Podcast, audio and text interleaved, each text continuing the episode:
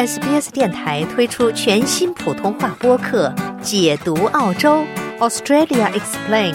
在这里，你可以轻松欢快的了解有关澳洲的有趣知识。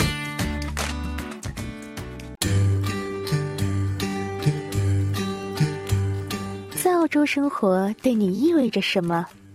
是每天清晨新鲜的面包和咖啡香气。是广袤蓝天、金色沙滩、清澈海浪，是与家人共度时光，是感受不同的人生际遇。不不不，它也是是几代人的价值观碰撞。哎呀，妈，你就别管了。是期望和压力的交织。别玩了，回去给考 OC 补补课去。是跨文化的交流与误解。他说那话啥意思？是不是针对我？澳洲生活千滋百味。等你来谈，SBS 全新热线节目《生活相对论》，每周一早上八点二十分播出。生活相对，有趣绝对。听众朋友们，早上好，欢迎您继续收听 SBS 广播中文普通话节目，每周一早晨与您相见的《生活相对论》听众热线节目。嗯，我是刘俊杰，哎，我是浩斐。刚才浩斐呢给大家放了一首歌，是郑秀文的《致我们的梦想》啊，这是他的一个专辑叫《Dream》，就是梦想专辑系列之其中的一首歌哈。嗯，我们也看到其中一首歌呢是，呃，叫我这样活了一天，其中它是一个电影主题曲《流水落花》的主题曲啊，都是和生活相关。哎对，所以我们今天讨论的话题也是与生活相关的。嗯，是提到这个梦想啊，哎，我首先有个梦想啊。希望这个将来这个衣服哈可以自有自洁功能，不用天天洗，不用我天天哪怕这个废旧的衣物呢扔掉之后可以有怎么说呢？可以有更轻松的回收的这个方式吧，嗯，更容易回收再利用。对，但是呢，我也看到了这个澳大利亚的回收方式啊，可能会比较的简单，也是易于去接触。应该怎么说？Easy access 吧，对吧？嗯，这现在的衣物里面好像有一些有一个概念，就是说。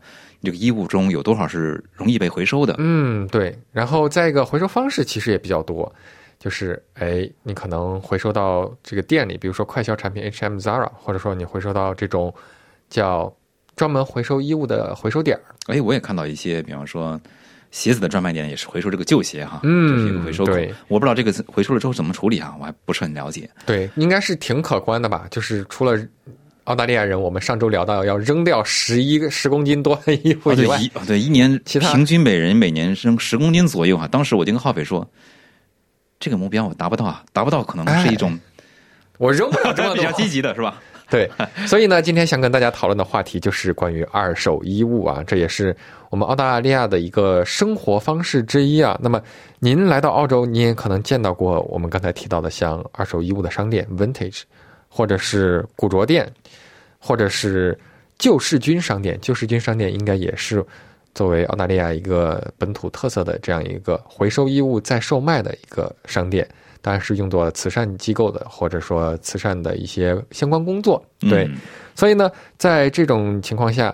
澳大利亚人有着这样的一个生活方式，那您是否购买过二手衣物呢？这是否作为您的一个新鲜的体验，还是说它已经成为了您的生活方式之一呢？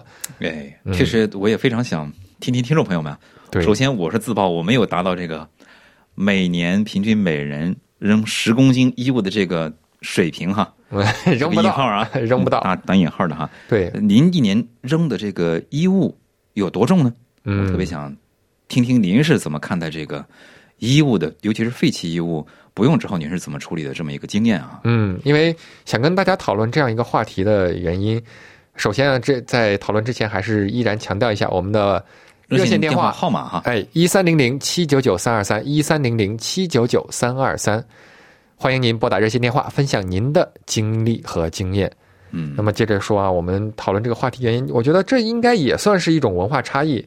对于很多从中国移民来澳大利亚的人来说，因为在这里，就像我们刚才提到的俊杰啊，嗯，我们可以看到这个澳大利亚的二手衣物，它可能会在 vintage 店，可能会在古着商店，可能会在旧时军商店，这已经成为了澳大利亚人的一种生活方式。嗯，那么就是第一，他可能是从环境保护来出发，觉得嗯，我们有这个义务和责任去。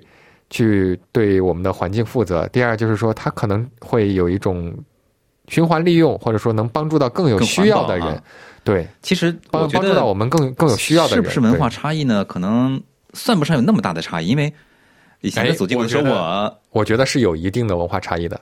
那就比方说吧，以前买书，二手书买的很多啊，对吧？对，但是以前有跳蚤市场，但是这种二手店比较少见，是吧？对，因为我在想一个问题，就是可能很多人也听说过，中国之前在旧社会，就是封建社会的时候，有一个行业叫卖故意。卖故意，哎，估它其实这个字单拎出来就估计的估，嗯卖故意呢，其实就是说卖二手的旧衣服。嗯，但是中国这个应该可能是在古代的时候，就建国之前了，有过这样的一个老行当。这个老行当就是，嗯，它可以是七八成新的那种旧衣服，也可能是刚刚做好，但是没有卖出去。就如果按照现在的话来说，它叫断码的衣物。嗯，其实这样的，对，其实不光是中国哈，英国，我看到在十八世纪、十七世纪的时候，那个时候啊，衣服的这个怎么说呢？机械化制作还不是很发达的时候，一些比较好的一些二手衣服，也有专门的翻新店把它翻新出来继哎续卖的，也有的。但是很发达的一个业务。对，现在已经在中国看到，好像感觉很少有再有这种故意店了。当时最早之前还有有这样一句话，就说下了剪子就为故意，就是说怎么呢？这个衣服做好了，刚开始就刚刚立马做好，没有卖出去，那它就是已经算是一个故意了啊。嗯，那现在就随着时代的变迁，当然就是人们这个可能的观念也有所改变，就觉得我可以买二手物品，但是对于二手衣物或者是说已经不再有这种故意行这种行业的存在，那么就可能会有一种更好的选择，比如说我现在要买成品衣服啊，或者说我穿了两三下，我可能就扔掉了。所以对于一个新移民来到澳大利亚，我个人觉得可能，嗯，对于这个生活方式可能有一定程度上的不能接受。对，所以因为我们之前有同事买过就是二手店 vintage 店的皮衣，但是哎，我知道这个同事是谁，哎。我们给他曝光一下他的隐私。哎，对我们的是雨蝶啊，我们的他丢了一同事雨蝶件皮。衣对，嗯，他说的这个 vintage 的店就更像是那种，就比如说，呃，一种小众的文化，他们可能是做音乐的，或者是说，哎，有一种什么样的流行的呃服饰风格，就专门卖那一种。你比如说，他皮衣，他就卖皮衣，就这是一个皮衣店，它可能有不同哦。年代、不同款式的皮衣，而不是说像我们就是现在所说的这个讨论的各种各样的类各种类型。我这逛街逛的太少了，所以知道的真的是皮毛都不知道。嗯听众朋友们可能逛得多，哎，听听众众朋友们可能因为逛得多，这个说到这个刚过完节嘛，有些人可能还这个啊，也不叫刚过完节吧，就各种打折促销的由头特别多哈。嗯，从双十一到后来的这个黑色星期五，再到这个圣诞呃节礼日这个促销，很多人可能也会买衣服，就包括听众打进电话的时候有提到自己买的衣服尺寸不对，嗯，会有不划算，那干脆找个店把它捐了，那哎也是一种选择哈。嗯这个捐了，我就认为不是丢弃衣服了吧？啊，也算进去的话，您一年会对怎么，说呢？捐了会应该就会有一个引循环。号丢弃觉得丢弃多重的衣物呢？这我是很希望听众朋友们来参与我们节目哈，一三零零七九九三二三一三零零七九九三二三来分享一下哈，您对这个不用衣物的处理方式，一年处理多少呢？嗯，让我们接听第一位听众电话，这位是洪先生，洪先生您好，哎，浩飞好，俊杰好。哎你好估计我也是没有呃嗯达到那个标准的。然后我觉得来给您先点个赞我，先给您先点个赞，我顺便给我自己点个赞。对对对，大家都嗯都在为这个嗯环保做贡献嘛。然后我觉得其实有的时候，如果不搬家的话，其实扔不了多少衣服；但如果搬家的话，肯定就扔的比较多了。嗯嗯，然后我觉得，因为我本身是男生嘛，所以，呃，而且也不是特别精致的一个男生，基本上很多 T 恤啊，或者是冬天的时候就穿卫衣啊什么之类的。嗯、我的衣柜不是特别满，所以我觉得，嗯，就就还好。但是如果是将来成家了以后，估计小孩的衣服啊，可能他们，嗯，他在成长，就始终会有需要买更大的衣服，是是或者是对我您的预测非常对。嗯 这作为一个有家庭的、呃有孩子的家庭，哎，俊杰我已经深有体会。哎，深有体会。还有就是，嗯，如果是就是工作场合需要，可能需要这种时尚或者说至少合群的一些衣服，我觉得嗯这个很正常，可能真的是有需求在换。不过对我来说，我们有制服的人来说可能就还好，或者是嗯对。然后关于嗯二手衣物的话，我买过也卖过，但卖的是比较少，更多是捐赠，因为我觉得去卖的话。嗯，你挂在 Facebook 上会，我不知道什么时候会有人来买，然后还要协调时间。我更，为是搬家的时候，我就会打包好所有的衣服以后，然后我就直接捐赠给呃慈善机构，然后慈善机构会卖，然后卖的所得会用作慈善这种嗯事业，我就觉得挺好。我省他嗯募集到了钱，对，然后但是我对。家电或者是衣服，相对来说就比较开放一些。我觉得您这个购买二手衣物的经历，当时是什么样的一个契机呢？这是否也是您在这个生活中的一种生活方式呢？分享一下你买二手衣服的经验吧。一种生活方式吧。然后，其实以前在国内的话，当然我在国内上高中，可能也很少去呃接触到什么油盐酱醋茶这种生活的成本。嗯。在澳洲的话，嗯，留留学以后就自己一个人，然后去管理所有的事情，嗯，然后二手的话就渐渐成为我生活方式的一个改变吧，嗯，到来到澳洲以后，然后我就更愿意说去看一看二手的商品，甚至有的时候二手的商品它要比你在嗯商店里的选择更加丰富，因为说实话，我觉得澳洲的很多时尚风格。不不是很适合我，但是二手商店里可能他们有各个国家的人捐赠的衣服，然后有些可能我觉得哎看上去还比较不错，比较适合我。对，价格也很亲民哈。是是是，而且的话是嗯，当地超市它有些版型可能就更适合当地人的身材一些，而我的身材可能穿上去并不是那么好看，或者是有些过长，或者是有些过短什么之类的。嗯，我也是这样，特别。虽然您没有达到这个十公斤的这个里程碑啊，平均，您来让您估一下，一年这个您平均丢弃的这个衣物，啊，我们或者是包含上您这个捐赠的话，您分两个数字，您能有估有估计吗？嗯，我估计如果不搬家的年份的话，可能一件都不会扔，除非是破了。高质量生活，这属于是我的也是，除非是破了。但是如果是搬家的话，嗯，取决于我这个。下一个这个嗯租住的地方有多大？但我大概估个数字吧，可能有个五千克。哦，嗯，这个很合理，五公斤啊。这其实听起来非常的合理了。我觉得洪先生应该已经在澳大利亚开始践行了环保且循环利用的这个生活主义。嗯，这确实也是一种生活方式的改变，也是感觉洪先生就是他不仅仅是因为生活上他需要自己管理生活成本，也是我觉得。这种选择对于他来说可能更合适，就像他刚才提到的态度哈。嗯，谢谢洪先生今天的。哎，您最后想说什么？您您想说什么？您继续。我想应该和我也是观念类似吧？哎，非常类似，真的。您说到我心坎里了，因为您好这个衣物的管理方式感感觉跟我非常类似。哎，知己知己，知己，谢感谢您，感谢您参与，感谢您今天的参与。哎。那么我们稍事休息一下，稍后回来继续今天的听众热线节目。听众朋友们，欢迎回来继续参加我们的听众热线节目。我们的电话依然是一三零零七九九三二三一三零零七九九三二三。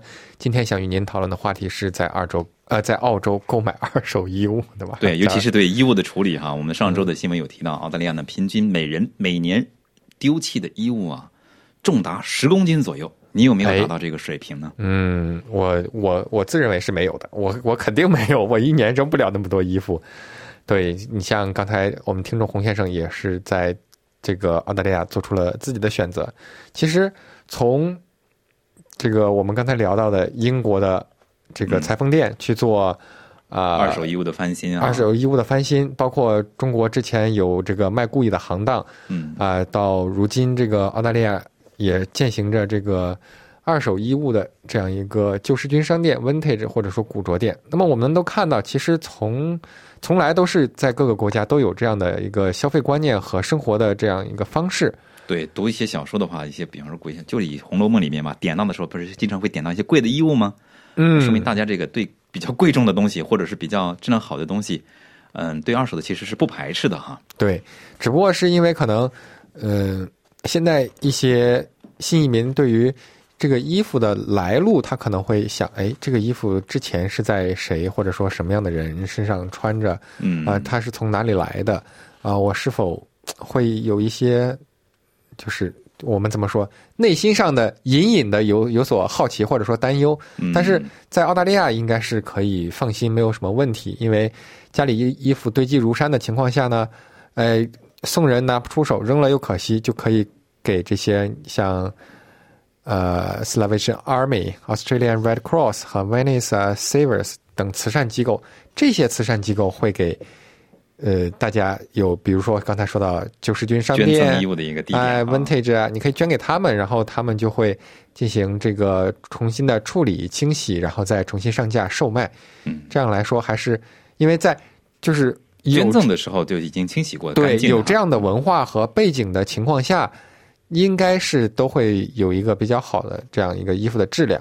嗯，听众朋友，您对待二手衣物的态度是怎样的呢？您一年丢弃的这个衣物有多重呢？哈，来曝光一下您的这个引号隐私哈。我们的热线电话依然是 一三零零，七九九三二三一三零零七九九三二三，非常欢迎您拨打来您分享哎您的。，我曝光我的隐私，就是我我我其实目前属于是可以捐，但是我还没有考虑过买。嗯，你看刚才洪先生提到嘛，就是我们两个的为什么这个对待衣物的这个这个习惯是一样的呢？嗯，比方说，我这个做一些比较，这个怎么说呢？灰尘比较多的活儿，比较脏的活儿的时候，在家里面，所以家务的时候，哎我就会穿着比较破旧的衣服。哎，对，这种我就会留着自己用。对我，然后，比方说那个，我记得我有个 T 恤已经有有几个洞了哈，啊然后呢穿着还挺舒服，因为这时候那衣服夏天穿着很舒服的，嗯比方说割个草之类的哈。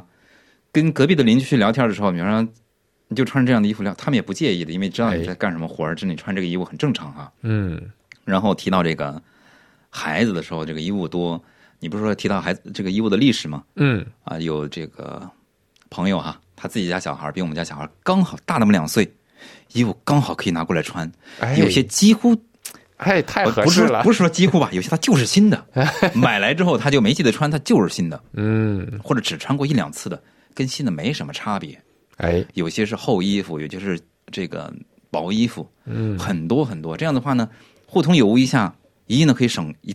我跟你说，真的不是不是省一大钱。现在童装很贵的，啊，对，童装一大笔跟成年人衣服长得太快了，需要的东西太多了对，啊。这么继承一下，嗯你也知道这个衣物的历史，他会，比方说这个妈妈们过来这个分享衣物的时候，他就跟你说：“哎呀，这是我家孩子几岁的时候哎穿过一次，对，穿着干什么了？比方说这双鞋哈，速吸鞋，比方说他是穿着这个划船的时候，在哪个公园哪个地方去划船的时候划的，他连那个穿过？玩的地方他都能告诉你。我们以前一起去玩过，这孩子就知道了哦，这个东西是什么，所以他呢就会，别的孩子我不知道啊，我家孩子就是，他你就是有一段历史的时候呢，就特定的一件衣服，可能是他颜色喜欢，哎，可能就是说他的哥哥或者姐姐穿过，嗯。然后这个时候他就特别钟情于一件其中一件衣服，嗯。他是有怎么说呢，算不上历史吧，但是他知道他的过往，哎，嗯，知道谁穿过，甚至在哪儿穿过，这确实也是一种有温度的衣服吧。哎，有回忆，就让让爱继续传递。哎哎呀，你这个总结的高大上，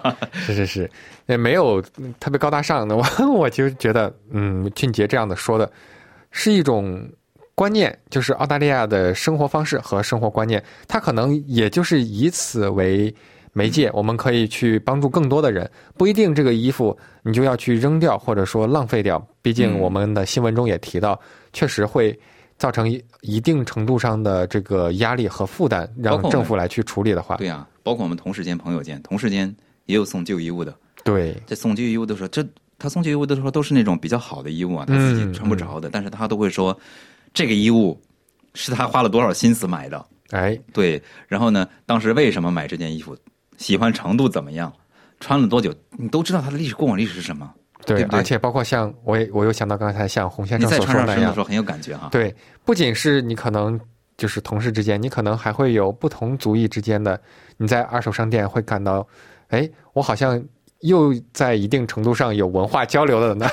好，这这个 SBS 也有这个旧衣物的呃交换或者是哎，捐赠活动，交流的活动啊，就是同事之间相互交换啊。嗯，没准儿买个别的民族的，可以在这个这个叫什么排灯节的时候穿一下呢？嗯，就别的民族的节日，我们也可以以此为参加，来增加节日气氛。马上节目也结束了哈，嗯，今天的时间又到了，跟大家说再见的时候了。我是刘俊杰，我是浩斐，感谢您在清晨的陪伴。明天同一时间仍然与您准时相约。